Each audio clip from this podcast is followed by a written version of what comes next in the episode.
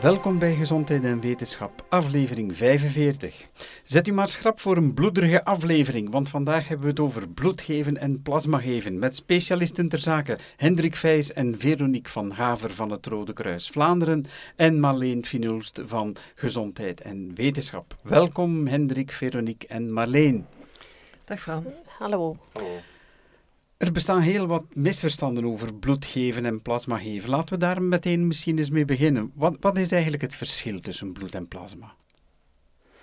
Wel, uh, bloed is ruimer dan plasma. Plasma is een onderdeeltje van ons bloed, een heel belangrijk onderdeel.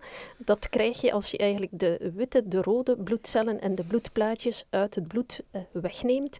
Dus eigenlijk de vloeistof, het vocht van het bloed. Um, en uh, ja, dat is ook, als, zonder die bloedcellen hebben we nog altijd een, een vloeistof die heel veel functies heeft. Vooral uh, denken we aan, de, aan alle eiwitten die erin opgelost zijn, de stollingsfactoren, de afweer, afweerstoffen, die zitten ook uh, in ons plasma. Die zitten in, in en het zo, zorgt ook voor het, het, het, het, de balans in ons lichaam. dus plas, plasma, het zorgt voor het vervoer van allerlei stoffen in ons lichaam. Dus... Ja zonder plasma uh, ja, zou er ook geen bloed zijn. Dan zouden er alleen maar korreltjes zijn. Uh, ja. Bij wijze van spreken. Maar um, we spreken wel over bloed geven en plasma geven. Kun je dan plasma apart geven zonder dat je bloed geeft? Ja, dus mensen die bloed geven, geven eigenlijk ook plasma. We gaan het, we gaan het bloed in zijn fracties scheiden. Maar uh, we zamelen ook plasma apart in. Hè. Dus, en dan gebeurt er ook een scheiding in de verschillende deeltjes van het bloed. Maar de mensen die specifiek plasma geven, die gaan eigenlijk de rest van hun bloed, en dat zijn dan vooral die cellen, hè, de rode bloedcellen zijn dat dan vooral, die gaan ze eigenlijk terugkrijgen. Ah, dus je hebt dan twee gaatjes. Nee, we doen dat via hetzelfde gaatje, via dezelfde arm. Dus het, het is geen continue procedure, het is afwisselend. Het bloed wordt afgenomen, het komt terug. Het bloed wordt afgenomen, het komt terug via dezelfde arm. Bijzonder. En wat heeft het Rode Kruis nu meer nodig, bloed of plasma? We hebben alles nodig. Maar het is zo dat uh, ja, bloed is, is iets wat. Oh, daar spreken we eigenlijk over een kortere termijn. En dat, heeft ook, dat hangt ook samen met, met de houdbaarheid van de verschillende bloedbestanddelen en de bloedgroepen wat er op een bepaald moment nodig is. Uh, plasma uh, kan heel, een heel stuk langer bewaard worden, kan ook diep ingevroren worden en is meer op een continue basis nodig, omdat er ook heel belangrijke medicatie uitgemaakt wordt, bijvoorbeeld voor mensen die een, een probleem hebben met hun afweer, die een tekort hebben aan immuunfactoren, die zijn levenslang afhankelijk van medicatie die we uit het plasma van gezonde mensen maken, uit de mhm. immuunfactoren daarin aanwezig. En voor zo één medicatie hebben we heel veel plasma nodig. Dat is precies iets waar jij mee bezig bent, hè Hendrik, als ik dat goed begrijp. Jij bent bezig met die plasma precies te gaan isoleren om er afweerstoffen van te maken. Of, of hoe moet ik dat zien? Zo'n beetje. Het is zo wat uh, mijn collega Veronique vertelt, dat is wat op vandaag gedaan wordt. Dus er worden medicijnen gemaakt van het plasma. Maar we kunnen ook het plasma op zichzelf gebruiken. Onder andere voor transfusie, wordt ook gedaan. Maar wij doen wetenschappelijk onderzoek naar convalescent plasma, plasma dat bepaalde immuunstoffen bevat. En we proberen om mensen die vatbaar zijn voor infectieziektes, van virussen bijvoorbeeld, om die overdracht van die virussen te verhinderen met dat plasma. Maar dat is wetenschappelijk onderzoek. Ja. Ik weet al wat je gaat vragen, Fran. Ja. Wat is convalescent? Ja. ja, dat is inderdaad een moeilijk woord. In principe komt het erop neer dat een mens wordt blootgesteld aan allerlei gevaarlijke stoffen gedurende zijn leven, onder andere virussen, bacteriën en dan ontwikkelen we daartegen antistoffen. We spreken over een convalescent persoon of convalescent plasma wanneer we weten tegen welk virus er antistoffen zijn in het plasma. Als je dus bijvoorbeeld een donor hebt waarvan je weet dat hij een voormalige COVID-19-infectie gehad heeft, dan weet je dat daar antistoffen in zitten. Je moet dat best ook nog wel eens bevestigen in het laboratorium, maar je weet dat die antistoffen daarin zitten en dan spreken we mhm. over convalescent plasma. Ja, ik denk convalescere, als ik mij goed herinner, is het Latijnse woord voor genezen, herstellen, Echt dacht waar? ik. Ja, ja. Ah, kijk eens Ah, aan. interessant. Dus het is eigenlijk eh, plasma van een genezende persoon. Of van, in dit geval van een genezen persoon. Het is wel belangrijk dat hij reeds de ziekte heeft doorgemaakt en hersteld is. Ah.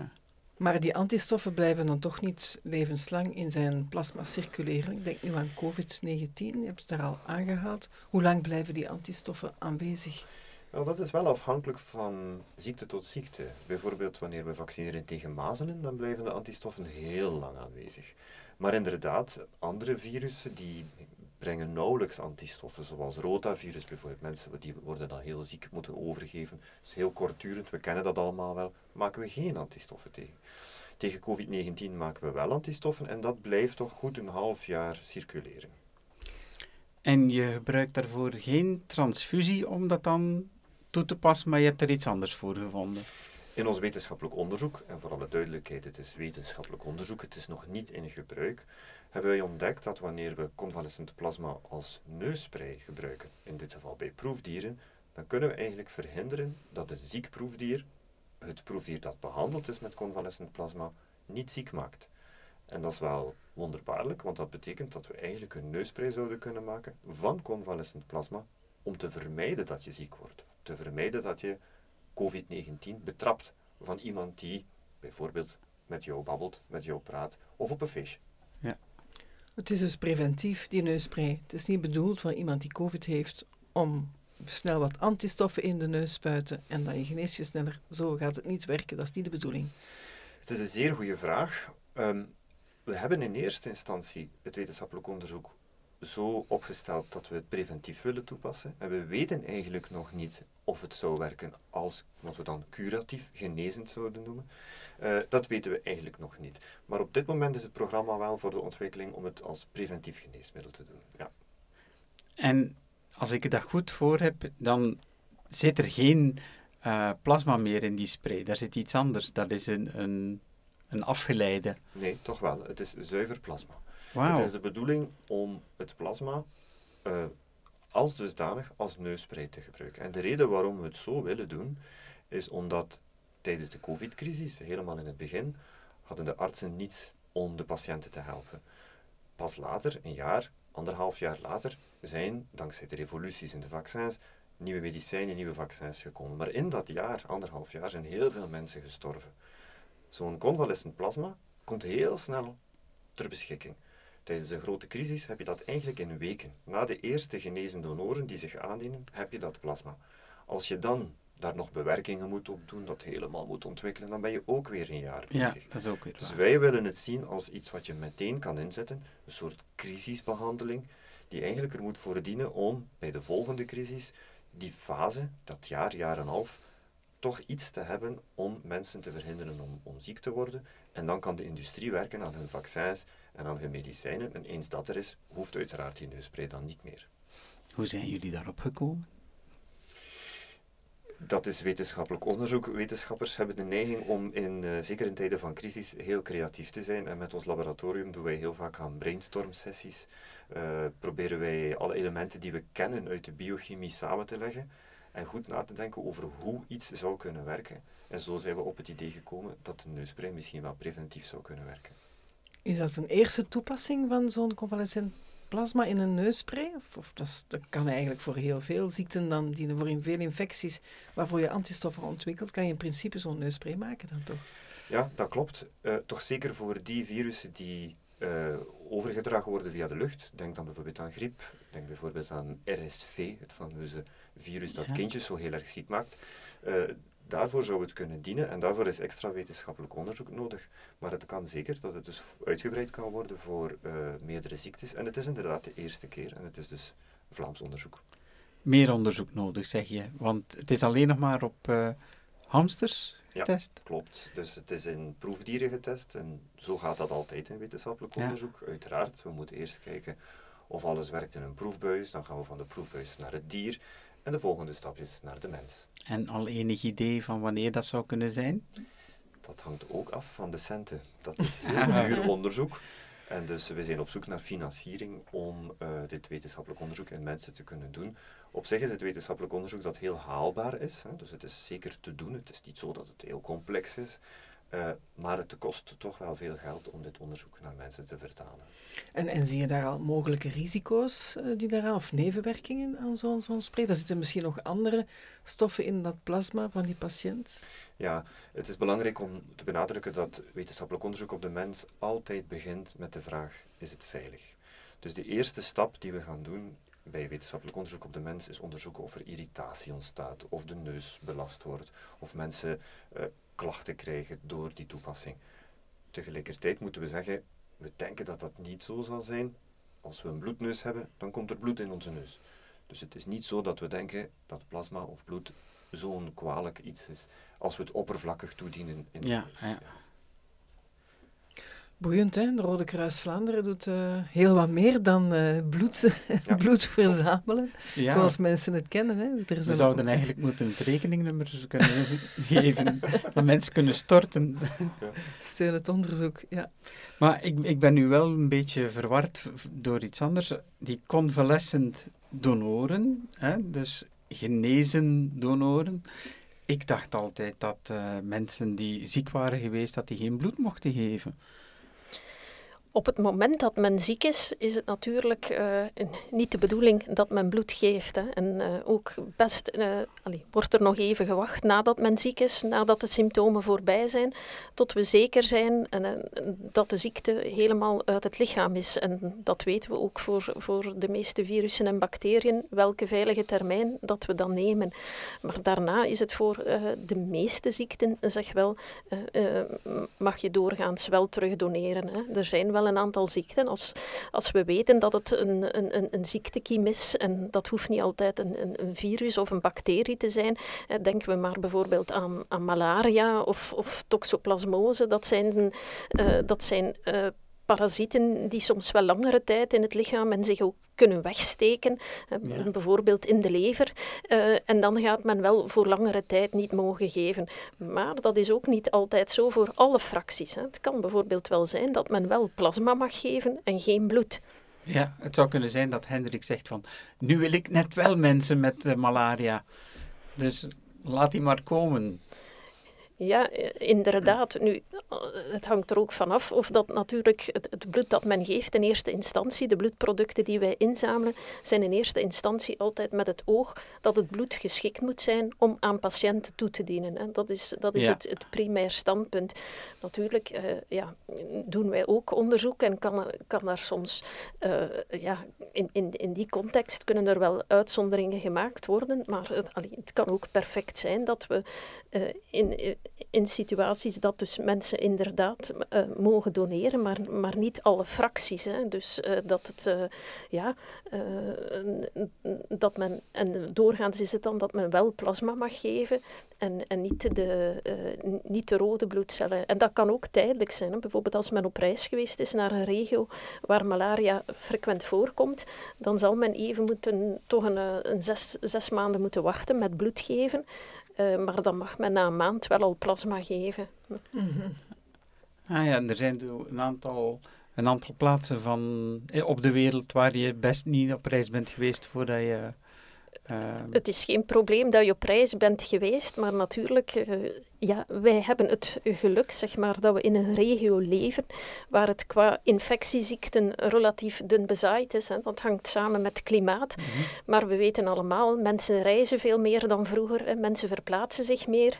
Uh, de muggen bijvoorbeeld verplaatsen zich ook veel meer en komen mede een effect van de opwarming van de aarde. Zien we ook tropische ziekten meer en meer in Zuid-Europa verschijnen. En zien we ook dat bepaalde muggenpopulaties, en denk maar aan de tijgermuggen en zo, zien we dat die populaties ook stilaan bij ons verschijnen.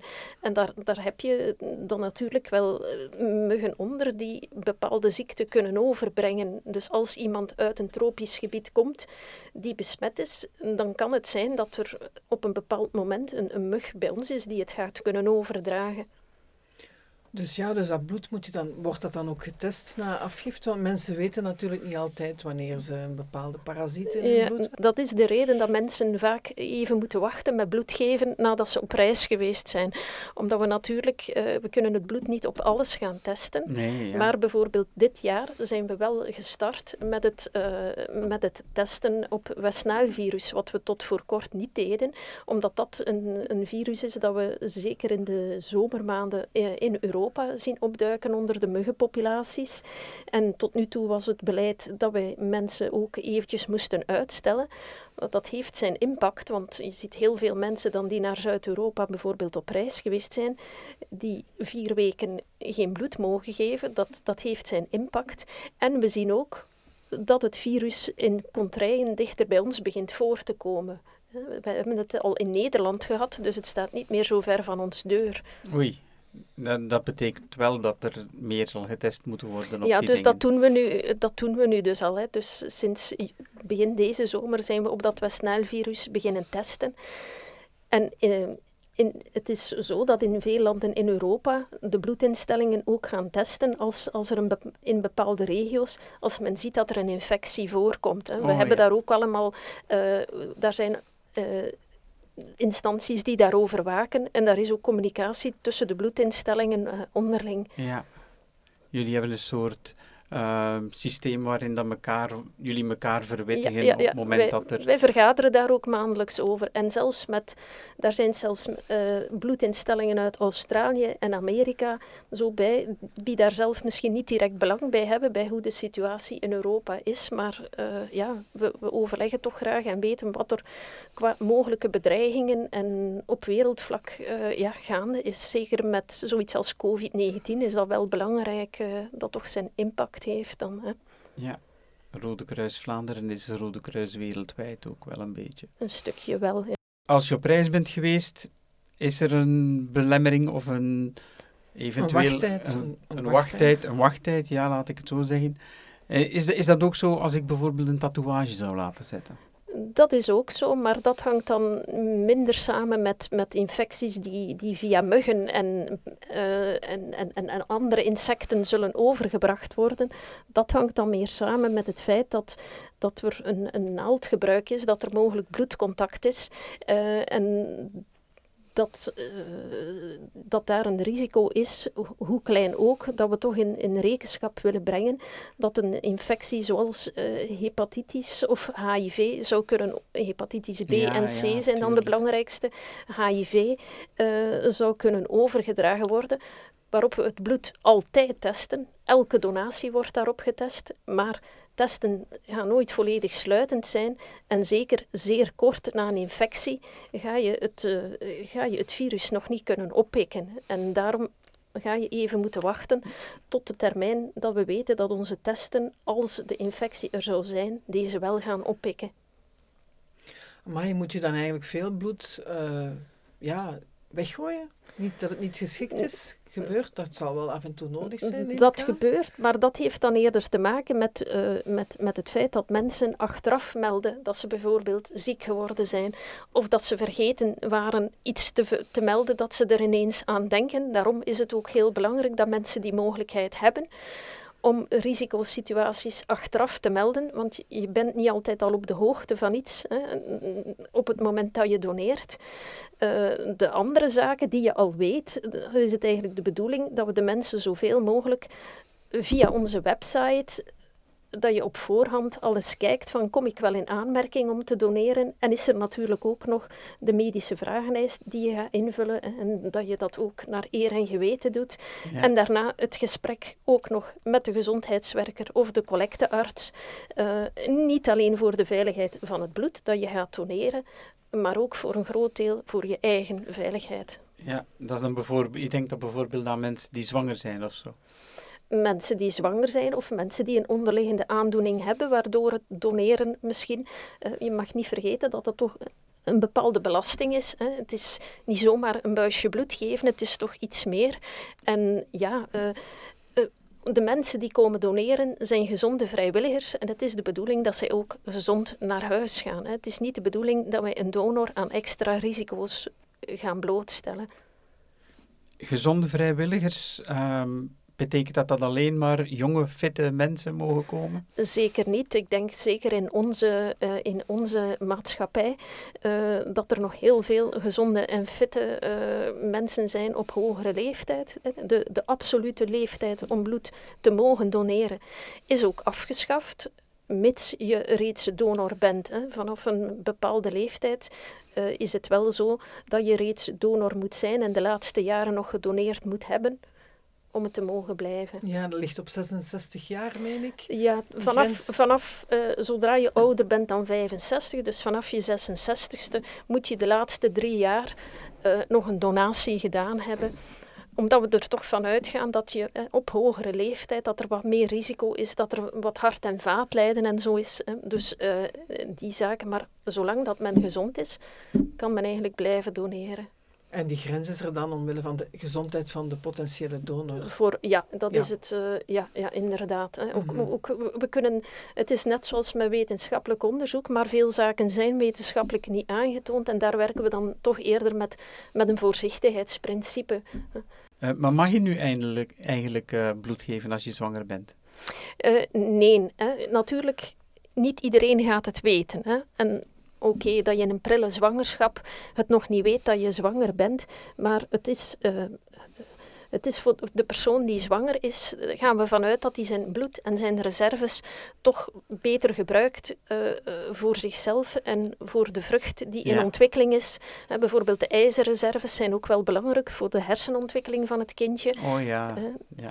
De, bloedso de bloedsomloop, het kindje is volledig afhankelijk van de bloedsomloop van de moeder. Stel dat hij na een donatie een bloeddrukval doet en je, je wil daar geen extra risico's dus nee. Ja, want hoe, hoe gaat dat nu eigenlijk in zijn werk, zo? Een bloeddonatie? Hoeveel bloed wordt er afgetapt? Hoe lang, hoe lang ben je daar en, en hoe lang uh, ben je daarna oud of, of suf? Wel, het is zo dat wij met een, met een vast afnamevolume werken. Het zijn de zakjes waarin het bloed wordt opgevangen, dat zijn sets die vooraf geprepareerd zijn. Um, en die zijn voorzien op een, een bloedafnamevolume van 450 of 470 uh, milliliter. Uh, wat toch niet niks is, hè. dat gaat toch al naar een half litertje. Ja. Um, dat, is, uh, dat heeft vooral te maken met het feit dat we niet minder kunnen afnemen, dat we dus uit zo één donatie eigenlijk, ja, dat we dat gaan splitsen in de deelfracties en dat we daar tot drie patiënten mee kunnen helpen. Hè. Dat niet dat zakje in zijn geheel aan iemand zal gegeven worden, maar dat we daar zowel rode bloedcelconcentraat uit gaan halen, plasma, zoals we reeds gezegd mm -hmm. hebben, en in veel gevallen ook nog uh, de bloedplaatjes daaruit willen halen. En dan is het natuurlijk belangrijk dat die drie fracties, en zeker dat rode bloedcellenconcentraat, dat dat nog voldoende is om iemand mee te kunnen helpen. Dus dat is ongeveer een, een tiende van je eigen bloedvolume dat er afgenomen wordt. Een dat kleine halve liter op een ongoede vijf liter, kan je dat zo Dat stellen? is heel sterk afhankelijk. Hè. De, er zijn mensen die maar 3,5 liter bloed in hun lichaam ah, hebben. Ja? En er gaan er zijn die er dubbel zoveel hebben. En daarom is het ook, uh, ja, is het ook, gaan we dat ook uh, uh, aan de hand van de lengte en het gewicht en het geslacht van de donor maken we een inschatting wat diens totaal bloedvolume is. Hè. Daar is een vaste, volume, uh, een vaste formule voor. En dat zal ook beslissen of je effectief bloed mag geven of niet. Dus uh, wettelijk gezien ligt de drempel al op uh, 50 kilogram hè, om te mogen doneren. En dan zal ook de lengte voor een stuk meespelen om te zien of je nog veilig die hoeveelheid bloed mag geven. Oké, en hoe lang duurt het vooraleer je lichaam dat bloed dat is afgetapt weer heeft aangemaakt? Daarin moet je een beetje een onderscheid maken tussen het feit dat je in eerste instantie vooral vocht verliest. En dat je dat het beste compenseert door goed te drinken na de donatie. Best ook al voorafgaand aan de donatie. Dat je lichaam, wat we noemen, goed gehydrateerd is. Dat zal trouwens ook de afname vergemakkelijken. Het bloed zal beter stromen. En ja, uh, dat je bepaalde zaken de, de eerste uren vermijdt. Hè. Je moet niet gaan sporten als je juist gedoneerd hebt. Ja, ja. Uh, ook, dus, eer, maar dat is eigenlijk in, in één, twee dagen ga je ervan uit, als iemand goed drinkt, dat dat vocht weer aangevuld is. Dat is wat ook na een plasmadonatie uiteindelijk dan gebeurt. Nu, de aanmaak van nieuwe rode bloedcellen die je kwijt bent, dat duurt wat langer. Daarvoor gaan we onze ijzerreserves moeten aanspreken. Uh, die bloedcelletjes moeten aangemaakt worden in het beenmerg, dus dat neemt wel zijn tijd in. En da, uh, dus daar ga je toch uh, snel spreken. Ik zeg uh, over een, een, een, meerdere weken tot je terug op het niveau van daarvoor zit. wil dat zeggen dat je daarom na een week geen sport mag doen? Totaal niet. Maar iemand die op dat moment een, zijn record op de halve marathon wil breken, die echt zijn zijn maximale prestatiecapaciteit op het, met zuurstof moet kunnen doen, ja, die zal beter op die moment geen bloed geven, want dat gaat dan niet ideaal zijn. Hè? Maar een, de doorsnee mens gaat daar normaal geen last van hebben in zijn dagelijkse activiteiten. En het bloedgeven is beperkt. Je mag het maar doen. Er moet minstens twee maanden tussen twee donaties zitten en je mag het maar vier keer per jaar doen, juist om het lichaam de kans te geven terug die rode bloedcelletjes aan te maken, terug de ijzerreserve op uh, peil te brengen. Um, je zegt daarnet van je moet wel voldoende drinken. Ik vermoed dat dat geen alcohol zal zijn. Uh, alcohol zal nog altijd beter zijn dan niks drinken. Maar alcohol heeft het effect dat het, uh, een, uh, ja, dat het een. Je weet dat je alcohol drinkt, dat je veel naar het toilet moet. Dus dat het eigenlijk niet perfect is om je vocht aan te vullen. Hè. Je, je gaat ook veel vocht terug verliezen. Uh, alcohol uh, gaat er ook voor zorgen dat uh, eerder wat, ja, de bloeddruk wat zal dalen. Hè. Dus het, het gaat eigenlijk het risico verhogen dat je na een donatie ja, een flauwte gaat doen, ja, een bloeddrukval, wordt. duizelig worden. neem daar nog bij dat het ook de, de, de mentale aspecten, dat je misschien niet zo helder bent en misschien ook niet altijd de juiste beslissingen gaat nemen op dat moment. Dus inderdaad, na, na, een donatie is het niet aangewezen van alcohol te consumeren. Um, uh, ja, wil dat zeggen dat uh, we zien dat op, op, op collectes ook wel dat er uh, regelmatig een biertje geserveerd wordt, dat we dat absoluut verbieden? nee, maar we zeggen de mensen wel, let, let wel op met alcohol na een donatie. En we zien toch ook wel dat als mensen rapporteren dat ze na een donatie ja, wat misselijk of zo geworden zijn, dat daar regelmatig toch wel een glaasje alcohol tussen zit uh, dat ze geconsumeerd hebben. Ja, mijn grootmoeder zei altijd dat ze dan een, een trappist moest hebben. Omdat dat eten en drinken is, wordt dat wel eens gezegd. Ja. Nu, het zal er ook van afhangen in welke mate dat iemand gewoon is van een trappist te drinken natuurlijk. Ja, maar uh, ja, ik zou het niet aanbevelen. Best van alles in eerste instantie water. Dat mag daarna zeker ook wat frisdrank zijn, want je bent uiteindelijk suikers kwijt, voedingsstoffen. Uh, sportdrank is zeker ook niet slecht, omdat dat dan ook de zouten uh, wat aanvult die je uiteindelijk ook kwijt bent met een donatie. Hebben jullie nog voldoende donoren? Want het Rode Kruis doet regelmatig oproepen hè, voor, voor donoren. Ja, en dat is, dat, is een blijvend, uh, dat is een blijvend gegeven, want je hebt altijd nieuwe donoren nodig. Hè. Er zijn altijd uh, donoren die uitvallen om gezondheidsredenen, um, uh, die niet meer kunnen of, of mogen doneren. Um, ja, dus, dus het, er, is, er is altijd nieuw en vers bloed nodig. En daarom dat wij ook veel acties doen om nieuwe donoren aan te trekken zoals uh, binnenkort gaat het daar weer zijn. De acties bij de studenten bijvoorbeeld. Uh, men moet 18 jaar zijn om donor te kunnen worden. En in de hogescholen en universiteiten bijvoorbeeld ook twee maal per jaar bloed serieus. Waar veel nieuwe donoren aangezocht worden. Ja. En misschien daar even op inpikken. Ik, ik denk dat het belangrijk is dat we deze gelegenheid ook aangrijpen om te stimuleren om, te komen doneren.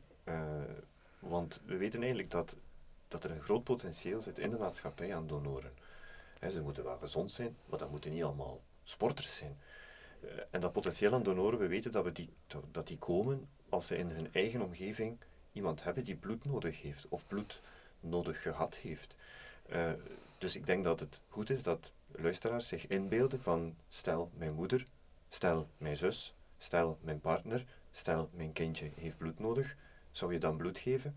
Wel, er zijn honderden zulke mensen vandaag die bloed nodig hebben. Dus het is altijd een goede zaak om te overwegen om te komen doneren. En je kan makkelijk op de website checken of je mag. Dus het is helemaal geen werk. En, gebeurt het dat mensen bloed nodig hebben en dat er geen bloed voorradig is? En, en hoe los je dat dan op? Dat gebeurt zeker. Hè. Dus we, zijn, we zijn allemaal vertrouwd met de, met de ABO-bloedgroep. Uh, rhesusfactor kennen ook de meeste mensen. Maar er zijn heel wat meer bloedgroepen. En het geheel van die bloedgroepen maakt dat er soms uh, dat er mensen zijn uh, met heel zeldzame bloedgroepen voor wie het heel moeilijk is om, om compatibel bloed te vinden. Hè. Daar, um, ja, dat maakt dat ook bepaalde mensen, als, als zij komen doneren en we weten dat zij een bloedgroep hebben waarvan er weinig zijn, uh, dat wij, dat, wij die, uh, dat bloed, die rode bloedcellen, uh, kunnen extra, lang gaan bewaren. cryopreservatie noemt dat. En dan kijken wij, als zo iemand komt doneren, hebben we nog van, die, van dat bloed in voorraad voor als die persoon zelf of iemand anders met die, met die zeldzame bloedgroep bloed nodig heeft. Mm Zijn er ook bloedgroepen waarvan je te veel hebt? Van nee, A+, dat is nu echt wel meer dan genoeg, bijvoorbeeld? Dat is denk ik wel een courante bloedgroep. Genoeg. Het, het, het kan zijn, dus mm, donoren kunnen ook, of kandidaat-donoren kunnen ook altijd op de website zien hoe het met de status uh, van hun bloedgroep ah, gesteld ja. is. Op de website dan, van het Rode Kruis. Ja, en dan, en dan kan het zijn dat we iemand zeggen van, kijk, van jouw bloedgroep is momenteel eigenlijk wel voldoende reserve, maar misschien is het voor jou een alternatief om plasma te geven ah, op die moment. Dat ja. is dan een mogelijk alternatief, ja, ja. toch? Voor de mensen die bloed nodig hebben, maar er is geen geschikte bloedgroep, of hun geschikte bloedgroep is niet in voorraad, dan kan je ze helpen met plasma. Nee, nee, nee, nee voor te geven. Als, als er Ah, op dat moment... Nee, nee, voor de mensen te helpen. Als je het bloed nodig hebt, heb je het nodig. Hè. Dus daarvoor gaat zelfs, als, als we het echt niet hebben in onze voorraad, dan gaan wij zelfs dan gaan we mensen gaan oproepen van wie we weten dat zij die bloedgroep hebben. Als we die ook niet vinden of het lukt niet, eh, die kunnen niet komen doneren, omdat ze bijvoorbeeld nog maar juist gedoneerd hebben, dan kan het zijn dat er zelfs uitwisselingen met andere landen gebeuren. Ja, even inpikken daarop. Als een donor uh, merkt dat zijn voorraad eigenlijk goed staat op de website en die heeft toch zin om te doneren, dan kan die altijd plasma doneren. Omdat plasma eigenlijk niet alleen in ons land, maar in heel Europa eigenlijk tekort is. We moeten plasma invoeren uit het buitenland in Europa. En dat is eigenlijk een probleem, omdat de Europese landen zich daarvan afhankelijk maken. En we weten allemaal dat de wereld niet meer zo vrijgevig is. Mm. Uh, en het is dus heel belangrijk om uh, in onze eigen land, in onze eigen maatschappij, uh, voldoende plasma te hebben. En moet je dan uh, als donor vooraf zeggen van ik kom plasma geven of ik kom bloed geven? Of laat je dat aan het, aan het centrum over? We werken eigenlijk met een afsprakensysteem. Hè. Dus het is ook zo dat in bepaalde donorcentra kan men bijvoorbeeld bloedplaatjes geven, in andere niet. In al onze donorcentra kan er plasma gegeven worden. Er, maar het kan zijn dat het, het, het de, de werking van het centrum enkel op bepaalde momenten meer bloeddonoren uh, accepteert en dan meer plasmadonoren. Het is sowieso handiger als men een afspraak maakt. Uh, een, een plasmagift duurt toch wat langer dan een bloedgift. Er zijn een beperkt aantal toestellen, dus dan kan er een planning uitgewerkt worden. En dan weet je ook waar je aan toe bent als je naar het donorcentrum komt. En zo'n halve marathonloper kan dan beter plasma geven, want hij krijgt zijn bloedcellen terug en hij is minder We hebben wel, moe, dat moet ik, uh, ja, er zijn inderdaad wel wat duursporters die frequent plasmadonors Ah, zijn. Hè? kijk. Dus, dus die dat inderdaad frequent doen. En in een, in een, in een periode dat ze geen, geen competitie hebben, of zullen zij ook wel eens een bloedgift doen.